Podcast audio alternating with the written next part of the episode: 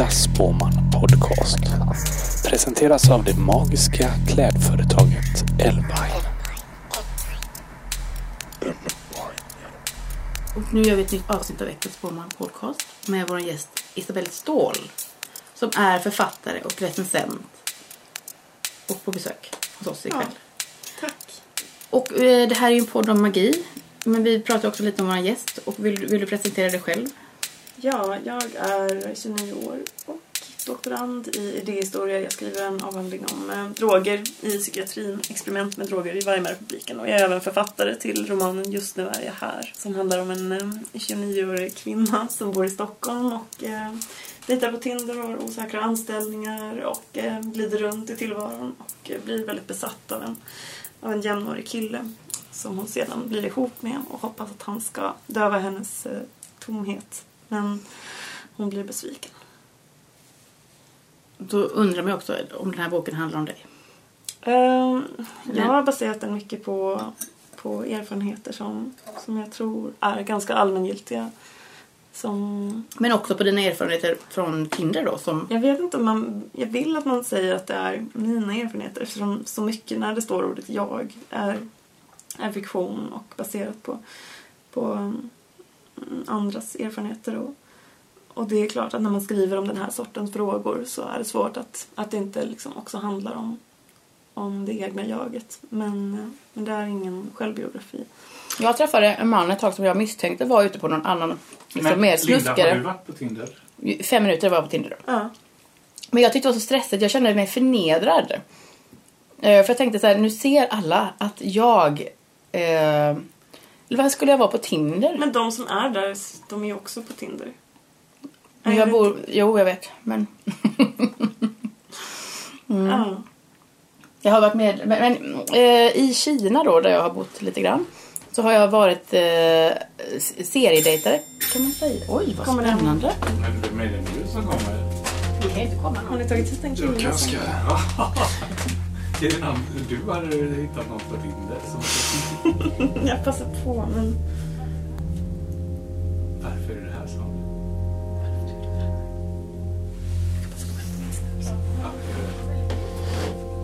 Du sa ju att du inte kunde komma hit. Ja, Har du kört bil? Det är inte bra, du måste låsa dörren också. Men vi kan inte ha så här mycket gäster. Det Nej, det kan vi inte ha. Du- får gå nästan... eh, Kanske du går ut lite med eh, Daniel då? Ja, alltså Daniel, jag, du, det är inte alls bra nu att du är här. Men vi ses eh, om... Det är skönt att det är så mörkt här. Det är inte Ja. som i Stockholm där det är så ljust och fräscht. Här, det är Göteborg så ser ut så här. Det blåser lite grann och sen är det mörkt och murrigt. Ja, jag älskar det. De här kvarteren också. Det var väldigt hemlighetsfullt. Exakt det ordet tänkte jag på när jag gick upp hit. Liksom. Så jag gick Aha, Korsvägen och gick liksom upp genom en... Var som en Sagan om ringen. Och man gick upp genom en djungel. Och, eller ett slags fält. Och, alltså, det blåste liksom. Piskade i ansiktet. Och man tog sig fram. Och det var så varmt. Och sen så kom man till en helt tyst sån här lång gata med typ hus från 20-talet. Som var väldigt... Det var ett så här upphöjt lugn. Och det var väldigt gåtfullt. Tyngd. Mycket tyngd. Jag tänkte på det när jag bodde här. Har du bott här förut? Ja, åtta månader. Du har alltid bott här, eller? Ja. Ja. Du kommer aldrig härifrån? Jag ber om ursäkt. Jaså? Var det, Det var ju inte bra. det Det var var man livet som gjorde... Var det en Nej. ex-husband? Nej, det var... Ytterligare. Eller det var, det var i och för sig... Det är komplicerat. Det låter spännande och dramatiskt. Det låter som en page-turner. Eller jobbigt. Jag vet inte. Nej, men vad var jag? Jag skulle säga att jag var seriedejtare i Kina i alla fall. För då brukade jag sätta ut annonser för jag var så ensam när jag var i Kina första gången. Så då satte jag ut så här annonser jag ville gå och äta middag med folk. Och då fick jag jättemycket svar från sådana expats från, från ja, hela världen. Och då tänkte jag att jag skulle träffa en man från hela från varje land i världen. Ja. Att jag var Carl von Linné.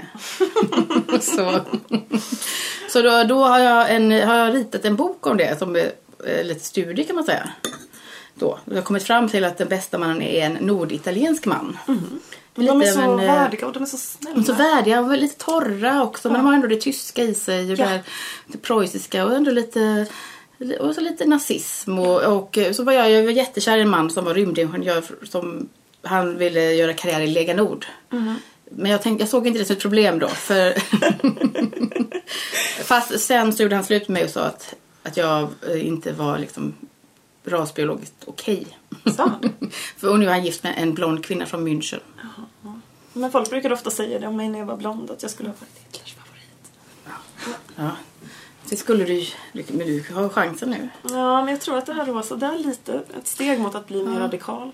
Ja, precis. Du vill göra uppror mot ditt öde kanske? Ja. Ja. Det ska inte komma naturligt. Nej, precis. Men vill du gifta dig då? Jag? Ja, eller som romantiker? Ja, ja, visst. Ja. Ja. Det känns inte som ett stort steg åt Nähä. Har du varit gift då? Nej, Nej. det har jag absolut inte varit. Men du borde ju varit det tänkte jag. Eller du, liksom Ja. dramaturgiskt skulle du göra rätt i om du varit gift två gånger. Mm, men jag tänker så här, att kanske om jag hade vuxit upp i början av 1900-talet så hade jag varit gift. Mm. Tre gånger liksom. För då var man ju det om man var ihop med någon. Typ. Mm. mm. Och så. Att idag har man ju seriemonogami och man har ett antal relationer. Liksom, man, den man träffar den har alltid haft ett liv bakom sig. Den har alltid redan ett helt liv. Liksom. Det är väldigt Förr så- äckligt tycker jag att människor har haft ett liv. Ja, fast å andra Eller? Ja, jo men det är, det är svårt på ett sätt. Liksom. Och det, så var det inte för mina föräldrar. När de träffade någon så var det den de skulle vara med. Men Jag blir också nyfiken på det här med droger inom psykiatrin. Mm. Eller är det någonting som du liksom brinner för som fråga? Eller? Det var någon som frågade i en intervju om jag trodde att droger var vägen till relationer i vår tid. Ja. Så, och då så hade jag tydligen sagt ja, men jag ändrade det sen. För jag sa istället att Ska vi fråga dig nu? Tror du att Isabella droger är vägen till relationer i modern tid? nej, alltså det skulle jag inte säga. Men jag skulle säga att det är en strategi som i min roman så använder huvudpersonen ecstasy för att eh, komma andra människor närmare. Hon- Men du, det måste jag fråga som jag tänker att man kommer ju så himla nära när man till exempel tar ecstasy med någon och man känner sig så förälskad och eh, så sann. Vad tror du om det då, du som gör en avhandling? Är man det? Ehm, Eller är det på riktigt? Alltså om man ser på... ehm, I min roman så, så fördöms ju inte droger som någonting artificiellt utan snarare så att ja, men det kanske är så att människor inte har tid att, att bygga upp den här förtroligheten och den här absoluta mm, känslan av att man kan lita på någon. Det tar väldigt lång tid att göra det med någon och att det kan vara en genväg till det som inte är liksom sämre bara för att den är arti- artificiell. Jag frågar naturligtvis åt en vän då, så om någon eh, säger att de älskar den när den har tagit droger, är det sant då eller är det falskt? Ja, men eh, jag vill inte fördöma Men du är ju det expert nu, du säger, jag vill inte fördöma, det låter så luddigt. Ja, alltså... Var det jag- på riktigt? Om det var på riktigt, känslorna? Ja. Ja, jag vill mena att um, kem, det kemiska är inte falskare än det så kallade naturliga. Och att, det naturliga är också det kemiska. Men eh, jag har inte blivit klar med min avhandling ännu. Så, Mhm. och den handlar också om experiment med droger i. Måste du experimentera då eller? Ehm, Får du pengar? Samhället för att göra detta? Jag gjorde med det när jag var yngre. Mm. Och ehm, jag är färdig med forskningsstadiet på det planet. Så Men nu möter du människor då som med erfarenheter? Alltså de flesta är ju döda från den tiden. Det här Jaha. handlar ju om 20-talets Tyskland. Ja, så det är ju ganska länge sedan. Droger kan ju vara magi och det är kontroversiellt kanske att säga Mm. eftersom Nej. kan, barn kan lyssna. Framför allt Eller, jo men jag tänker att samhället är ju emot droger. Eller vi lever ju i ett, en kultur som är som är väldigt... emot och det är viktigt att säga det hela tiden. Att liksom, man ska säga att det är fel. Men det är väldigt svårt att skriva om och att säga. Och att eh, det är viktigt att tona ner det så fort man är i ett sammanhang. Att ens prata om droger är som att prata om Satan. Eller Ja precis. inte ens Satan. Det är värre än Satan. Mycket värre. Det är som nazism eller incest. Eller... Mammor och pappor blir galna. Ja, men det är någonting speciellt för Sverige också som Mm. som gör att det blir ett fattigare samtal. Men, och Walter Benjamin som jag forskar om då, som var filosof, han skrev ju väldigt vackra texter om sina haschförsök som han gjorde i Marseille och han gjorde dem med psykiatriker och sådär och han tog, han tog ofta hasch ensam faktiskt. Vilket jag Var han en magiker tycker du? Alltså han sökte ju efter något han kallade profan upplysning som var ett slags så här inomvärldslig eh, illumination eller liksom en ingivelse, någon slags upplevelse av att man får insikt i någonting och Ja, han pratar om det profana, en. Har du, har du försökt få kontakt med honom genom andevärlden? Nu senare. Ja. Alltså han är ju lite av ett helgon inom, inom det finns ju mycket Benjamin-forskning och han har blivit lite sådär, mm, lite av ett slags Jesusfigur liksom för att han också tog livet av sig. Han var på väg till att fly från nazisterna och dagen innan de skulle de trodde att de inte skulle få åka vidare. De var i Spanien och då så tog han livet av sig. Och det var väldigt tragiskt. Han var ganska ung. Så, men jag själv har inte någon stor känsla av... Jag har aldrig haft den där känslan av att det finns någonting mer, typ. Eller jag kan få... När jag var yngre minns jag ofta att jag fick en aning av något fruktansvärt och så här, en, en värld som var under allting. Om du förstår. En, liksom... Men du är ju rädd för döden. Ja, Ja. absolut. Ja, men det var jag också när jag var liten. Så där väldigt rädd för helvetet. Men vad är du mest rädd för? Att det är ingenting eller att du typ hamnar i helvetet och brinner fastkättrad? Ja, jag tycker verkligen inte om att vara varm. Så jag är Nej. väldigt rädd för helvetet.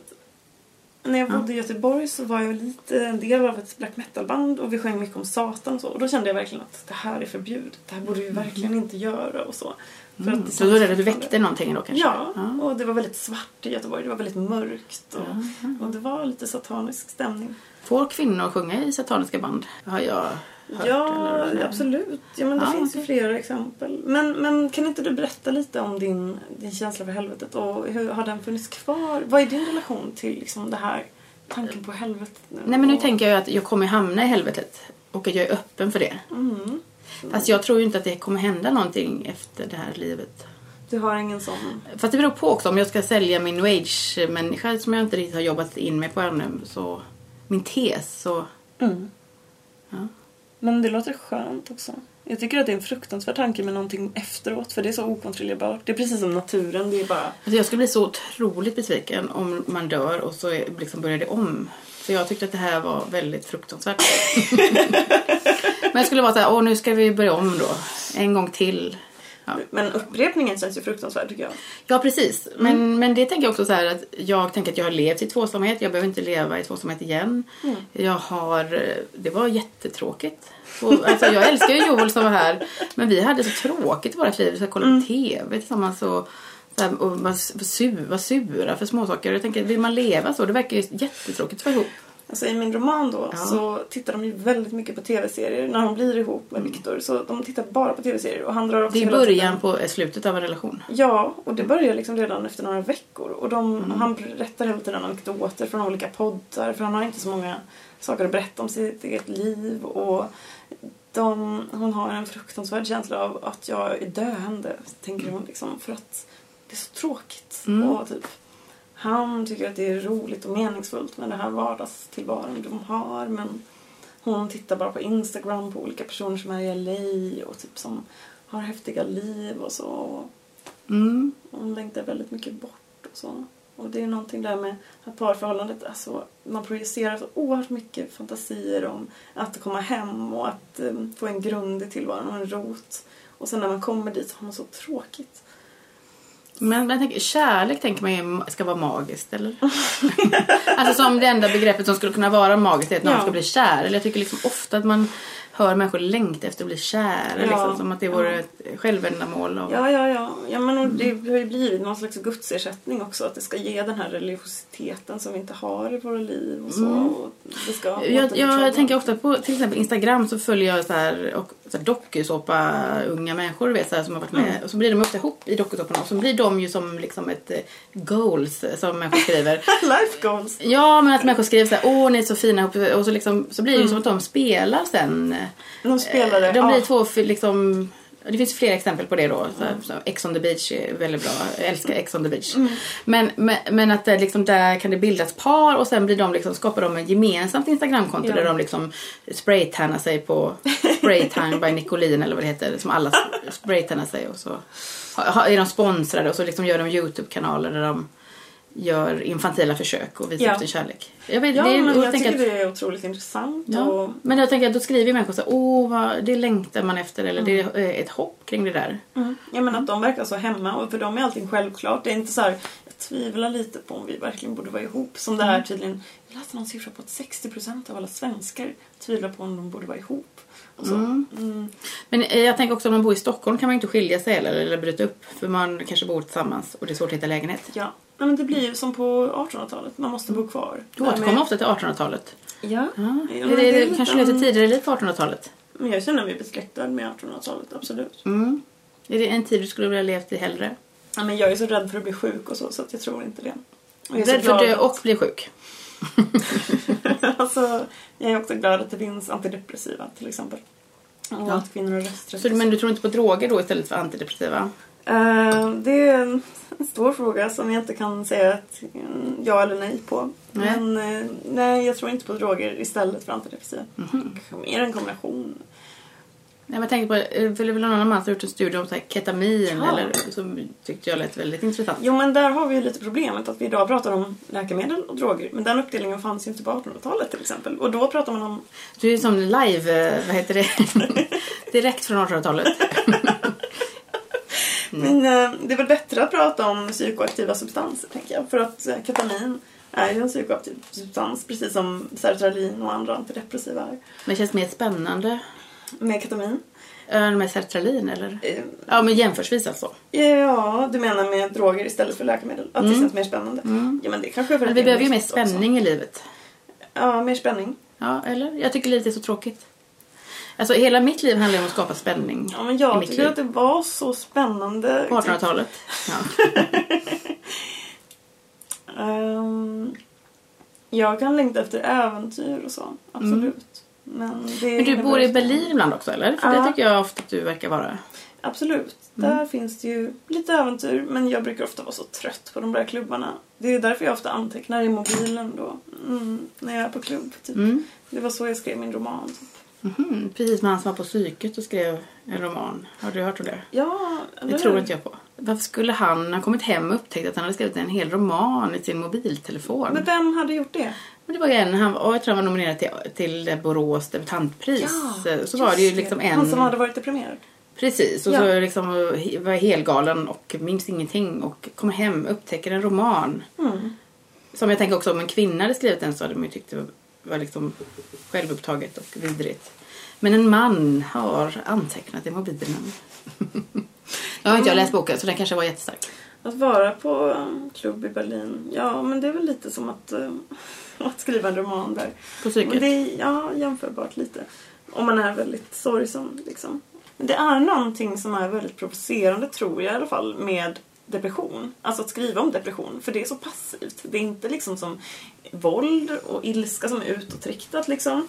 Det är inte så här en kvinna som gör revolution och står upp för sig själv och starkt liksom slår tillbaka på sina, liksom, det är inte en rape revenge story eller så. Utan det är bara det här deprimerade och okapab- inkapabla att vara liksom fungera i sociala sammanhang och att vara normal och så. Och det är så provocerande liksom. Den där passiviteten. Det är därför jag alltid älskat Lana Del Rey. För att hon har den här passiva femininiteten. Hon har ju börjat le nu. Ja, Vad är det? ja, jag har svårt. Men jag tror att hon kommer att bli en väldigt långlivad artist. Liksom. Jag tror att vi kommer lyssna på henne om, om hundra år och så. Och jag tror att vi kanske inte kommer att lyssna på då Lady Gaga liksom om hundra år. Men jag tror att vi kommer att lyssna på Lana Rey om hundra år. Och Mm. för att det är... Då får vi ju leva och se om det slår in. Ja, men vi kanske kommer göra det. Google ska ju bota döden och sådär. Så. Choose your last words. This is the last time. Cause you and I, we were born to die. Eh, I det här programmet får man dra tre kort och det ena kortet är ett kort för det förflutna. Mm. Vad är du mest intresserad av? Du som är så ung. Det förflutna eller framtiden eller... Nuet. Wow. Jag tänker ofta att jag hoppas att det kommer att ordna sig. Och Vad är du mest orolig för? Kanske... Mm. Att dö ensam. Men det gör man ju ändå, så det är inget som man behöver... Det är lång tid kvar. Att det är inte så långt. Men, eh, Ja. ja, men jag är inte så orolig just nu faktiskt. Det, det kanske du hamnar ganska- på ett bord någonstans. Jag vet. Det är en fantastisk tanke. Tittar vi det förflutna nu. Ja. Och reser in i din barndom. Mm. Okej. Och då går det tillfredsställdhet. Var det för att du växte upp i kärnfamiljen? Eller var du missnöjd? Alltså jag kan väl inte säga att kärnfamiljen var the best of worlds. Det skulle jag absolut inte säga. Så Men nu vill vi inte prata om din familj heller så då kan vi ju... prata om... eh, Hur var din skol, din uppväxt? Eller gå i skolan? Ehm, alltså jag kan väl säga att jag längtade väldigt mycket bort som barn och så. Och längtade nog tills jag... Det kanske var att du fantiserade om ett liv av tillfredsställdhet då? Det tror jag absolut. Det har jag alltid gjort. Som en dröm? Ja, definitivt. Mm. Mm. Det Men om du, om du ser tillbaka på den personen som den unga Mm. Isabelle och eh, personen du är nu då? Ehm, ja, Det här är ju bara ett lyckosamt det är- kort. Alltså där kan man inte, det finns inget negativt i det här kortet. Det är bara, det är, här, det är mest tänk att det är liksom njutning och eh, Mm. lite så fest kanske mer. Ja, men jag tycker att det låter väldigt överensstämmande med nuet. För att det Jaha. är jätteskönt att ha gett ut en roman och Men du vill alltså fly det förflutna? Men att vara en skapande människa då, är det någonting som uppmuntrades i ditt hem? Min mormor var väldigt eh, kreativ och sådär. Hon spelade bland annat nyckelharpa och så. Hon var väldigt positiv till att jag skrev och det tror jag var väldigt betydelsefullt. Och, och så. Ehm, den där, det där onyttiga skapandet liksom. Mm. Om man inte får den uppmuntran tror jag att det är nästan det är väldigt svårt att, att få det modet liksom. Mm. Men du, nu så flyttade du till Stockholm då och så Mm. bestämde du dig för att du skulle bli forskare eller? Ja, alltså det är ju väldigt soft. Med att... eh, Men man måste väl ändå studera massor för att kunna bli Ja. forskare? Eller så här, Ja, man blir det- väl inte bara så Jag här... skojar lite när jag säger Ja. att det är soft. Det är verkligen inte soft. Det är väldigt mycket jobb liksom. Men jag, jag älskar verkligen bildning och kunskap. Och jag älskar ju också, som du hörde förut, 1800-talet. Mm. Men, men också, mm, det är någonting fantastiskt med så här, att lära sig någonting som Ja men som förfrämligar det som man lever i nu och man ser att det är inte det naturliga eller givna sättet vi känner på nu och de känslor vi har nu. Det är inte någonting självklart eller naturligt med det utan det är någonting som är naturligt just nu när vi lever nu. Det tycker jag ständigt är fascinerande. Mm. Men har, har du offrat mycket då för att studera? Mm, alltså eller det låter aldrig- tråkigt, eller kan ju vara tråkigt att studera också eller är det att... Jag har aldrig tycker inte- backpackat i Asien till exempel. Nej, Och så men det är det som kanske kommer i framtiden. Ja, du menar när jag är 30. Men jag tycker ofta att det har varit skönt att ta den där flykten att skriva och sådär. Eftersom jag aldrig varit bra på idrott och när man skulle göra saker så tyckte jag att det var väldigt jobbigt liksom. Och sådär på idrotten och att man bara föll ihop liksom av trötthet, bara en stor trötthet. Mm, mm, mm. Att det finns en känsla av att man är otillräcklig och ofärdig i sin nuvarande form och att man det finns någonting mycket mer i mig som ingen ser. Och, så. och det Mm. tycker jag att jag får uttryck för när jag skriver. Att när jag pratar och sådär, som nu när vi sitter här och pratar så visserligen tycker jag om att prata med dig men jag känner inte alls att jag jag känner ingenting... eh, jag känner inte alls att jag kommer liksom till uttryck som jag gör när jag skriver. För att när jag skriver så känns det mycket renare och det känns mer som att jag kommer åt någonting så här, som är sant. Eller typ som... Men det blir som jag vill liksom. Men när jag pratar så är det mer Hur, ser din sån skrivprocess ut då? Jag menar, men är det som att det tar det lång tid för dig att färdigställa eh, Ja. en text? Jag eller? tror att ett problem, eller det största problemet som alla som skriver gör, det är att de tror att det blir färdigt första gången. Och att man inte måste göra om det sådär. För att jag har gjort om det liksom i tio år, gång på gång på gång. Och det har varit så ful. Texten är alltid så ful när man börjar, du vet. Den är så äcklig och man bara... Man ryser liksom. Man vill lägga ansiktet i händerna för att den är så ful och typ man skäms. Men är inte det som en del, jag tänker det här skammen, så, för det känner jag igen, nu gör jag ju i sig serier då, men jag tänker att det finns en skam så här i, Mm. som, att jag bara, herregud. Ja. Ja, men då då, måste, ju- då är det bra så här ändå. Eller att det finns något, det här kan jag lämna ifrån mig som är skamfullt. Ja men alltså det här skamkänslan. Det säger redan Schlegel på 1700-talet att, att han säger det om kvinnor typ att, att känslan av att vara löjlig. Det är den som har hållit tillbaka kvinnor i alla tider liksom. Det är den känslan av att vara löjlig. Den är fruktansvärd och förintande och det är ofta det som gör tror jag att, att man inte fortsätter att jobba med en text och så. Och man har ingen som säger att jo men du har någonting här och fortsätt med det här liksom. Mm. Och jag har ändå tvingat folk att läsa och exponerat mig hela tiden för att att bli bedömd. Kanske för att jag har en grundtrygghet liksom. Jag vet inte. Men jag har gjort det gång på gång. Vi tittar snabbt in i nuet. Mm. Även om du är tillfredsställd just nu. Vad pågår mer i ditt liv? Bara korten kan berätta. Ja.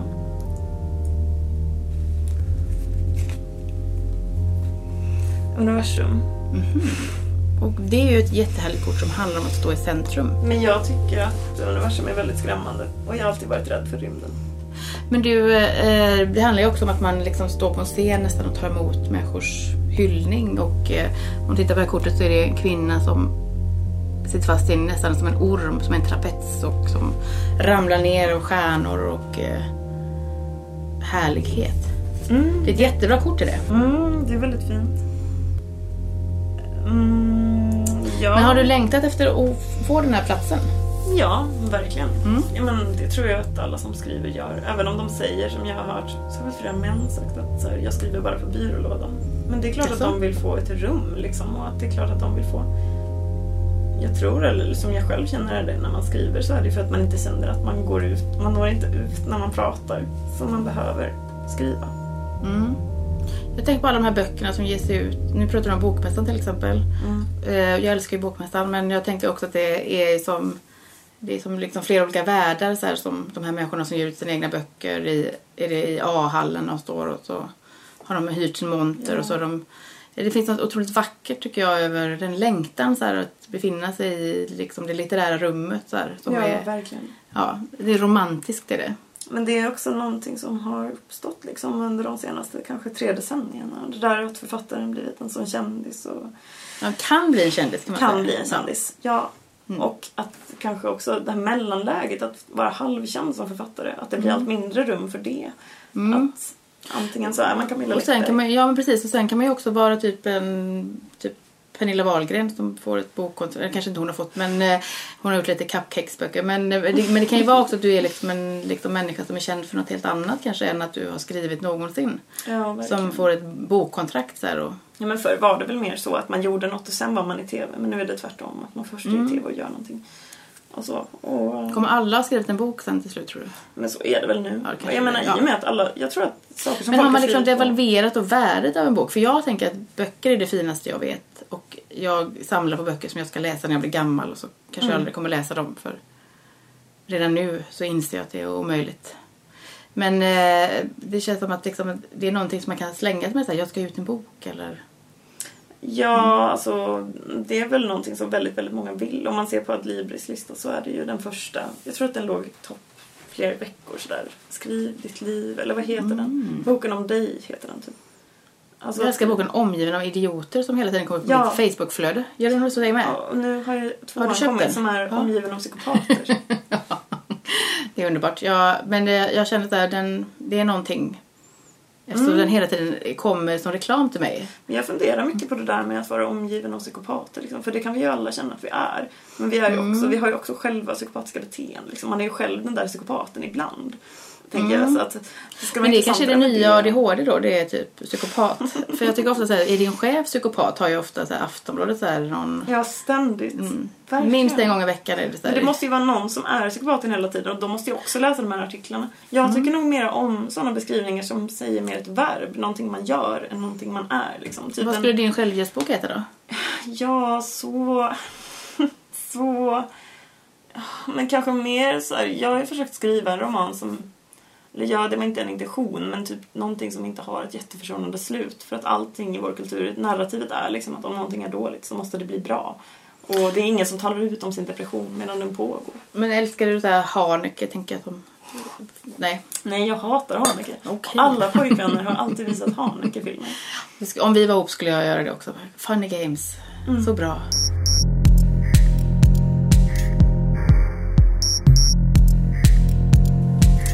Nu tittar vi in i framtiden. hoppas inte det är döden nu. Undergång. Vad spännande. Nej! Ja, men det kan inte bli mer spännande. Men du, du är ju rädd för undergången. Ja, men alltså, jag tycker redan att undergången har varit gång på gång på gång. Och jag har alltid varit rädd för undergången liksom. Så. Kan inte Isabelle få dra ett kort till? Nej men jag tänker undergång. Jag tänker ändå att I, I tarotkortleken, i dramaturgin i tarotkortleken handlar ju hela tiden om döden betyder ju återuppståndelse. Mm. Eh, tornet det betyder ju katastrof men då bygger du något nytt och så vidare. Mm. Och det kan väl lika väl vara så med undergången. Men jag kan dra ett kort till. Du utmanar ödet och drar ett kort till. Ja. Tänk om det är tornet då, det värsta kortet i kortleken. Men du tycker att undergången kan vara något positivt? Kan du berätta Ja, lite för jag tänker, jag tänker att alla kort egentligen som är så här, nu förstör vi någonting eller Mm. eldar upp någonting. Betyder ju att vi är redo liksom att släppa ett, en del av vårt jag så här, och, och bli en ny människa. Mm. Eller det känner inte jag mig rädd för i alla fall. Utan jag tänker mer att det här är någonting väldigt spännande som kanske kommer göra lite ont. Men allting som har gjort lite ont för mig har varit också eh, totalutvecklande. Ja, men jag... Mm. Jag hör dig. Det är också en sak på det kortet är så att det är ett svärd i mitten och så det här svärdet är utsatt för massa andra knivar. Mm. Men det är ett hjärta också som svärdet går igenom också. Ja, fint. precis. Men kan det vara kritik också? Kan ju vara liksom svärd som... Mm. Är du redo för mer kritik eller är du rädd för kritik? Alltså jag har fått väldigt mycket kritik. Genom livet eller? Jag menar, när man skriver så får man det hela, hela tiden. Hur, men hur bemöter man kritik då? Ja, det beror väl på vad det är för kritik. Jag menar, det är inte som att man kan ha ett lock över sig alltid. Men... Men jag tänker just det, en sak som jag tänker att många människor också säger till mig är att de skulle vilja göra massa saker men så liksom, det är ingen idé att jag gör det för någon annan gör det bättre. Eller, Mm. Det tänker jag, det är ett sätt att säga jag är rädd för kritik och därför tänker jag inte utsätta mig för det och risken att bli misslyckas och bla bla bla. Ja, men så, Ja. så alla jag känner säger så. Och, Ja, men ändå själv- vågar de göra saker och ändå har du Så- vågat så. göra saker. Ja, Jag tänker om vi skulle liksom, de som lyssnar på den här podden är ofta människor tänker jag som vill, unga människor som vill skapa eller förändra saker eller vad kan man säga? Vad skulle du säga till dem? jag skulle säga bara fortsätt trots att du får jättehemsk kritik och trots att det känns som att det är väldigt Någon säger det är det löjligt. och- sämsta jag har sett så ska man ändå fortsätta. Fast jag tycker samtidigt att om någon ger konstruktiv kritik, alltså det vill säga inte det här är det sämsta jag sett, men det här, mm, det här är bra men det här mm, är mindre intressant eller det här känns inte som att eh, det tillför så mycket. Men allt sån kritik har jag lyssnat på ständigt liksom. Men man ska verkligen inte sluta för att man får kritik. För att jag tycker alltid också att kritiken tar mycket hårdare än vad berömmet gör. Så att det är ju ett underverk att någon överhuvudtaget skapar någonting tycker jag. För att Mm. för att kritiken tar så hårt. Och berömmet, ja, man kan bli glad men det är liksom inte... Mm. Hur oroar du nu? Eh, jag tror att jag måste typ ta en taxi eller någonting. Håkan, ringer du en taxi? Absolut. Men du, vi har ju en sponsor då som eh, heter Elvin och Mm. har gett dig eh, en present. Nej. Blir du glad för presenter? Jätteglad. Och då tror jag de tänkte att du gillade rosa. Ja, det gör jag verkligen. Och du kan även, om du vill byta dem så får du göra det. Om du vill höra av dig till dem. Är det typ kläder? Det är kläder. Gud vad snällt. Tack. Men eh, tack så jättemycket för att du kom hit Isabel. Ja, och nu fick ju inte du dra ett kraftkort eftersom kraftkorten är slut. Därför kommer jag skicka snart Mm. en kraftkortslek till dig i brevlådan. Så att du får hela kraften. Menar du det? Ja, det är klart. Oh. Men vi väntar på den som kommer från ett tryckeri. Har du en till? Ja, och jag tror att lampan kan vara lite långsam. Men eh, tack så mycket då. Ja, själv.